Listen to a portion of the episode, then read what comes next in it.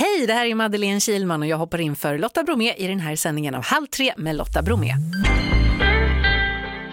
Vi ska prata med en världsmästare. Mattias McMullin var med i tävlingen VM i GeoGuessr tillsammans med två kompisar. Och det här gick ju vägen. Du vann alltihop Mattias, grattis! Ja, tack så mycket. Men jag har aldrig hört talas om det här. Vad är GeoGuessr för någonting? Eh, så det är ett spel där man eh, hamnar någonstans var som helst i världen eh, på då Google Street View och så ska man lista ut precis var man är genom att klicka på en karta och ju närmare man är desto fler poäng får man. Men det måste vara jättesvårt.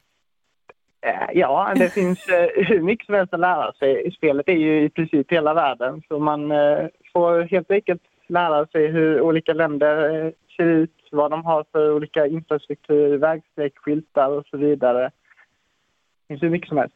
Men hur lång tid tar det att lära sig sånt här? För jag tänkte, kan man inte göra någonting annat, bara sitta och plugga skyltar och sånt. ja, jag har väl hållit på. Eh, jag började spela 2017 men eh, jag har väl inte spelat seriöst typ sommaren 2020. Eh, och sen dess har jag väl pluggat eh, ganska mycket, några timmar om dagen kanske. Wow! Men då, då kan du liksom en, en virtuell version av världen, men var skulle du helst av allt vilja åka på riktigt? Har du någon sån dröm? Oj, eh, jag vet inte, det, det finns så många häftiga ställen.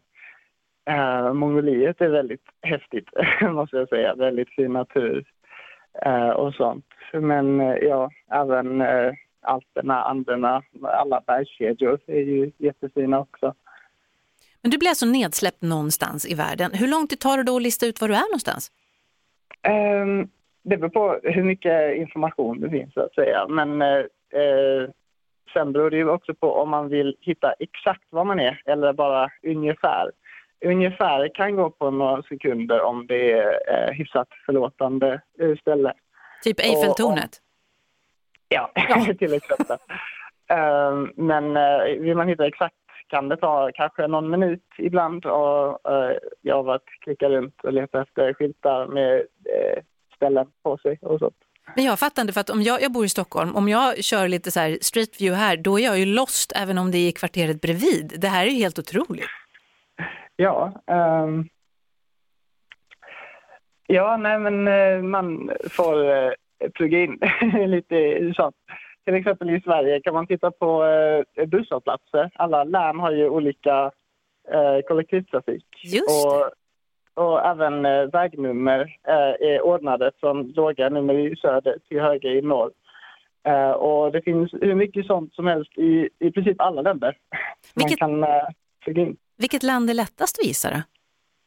Lättast att gissa? Eh, det är nog små länder. Det finns inte så mycket att eh, liksom leta efter där. Eh, så typ Andorra, San Marino, Monaco. Det var en gata? Ja, ungefär. Nej, men, några kvarter. Men vad vann ni då? Det var ju du och så din, dina kompisar Blinky och Kodiak som tävlade. Vad vann ni?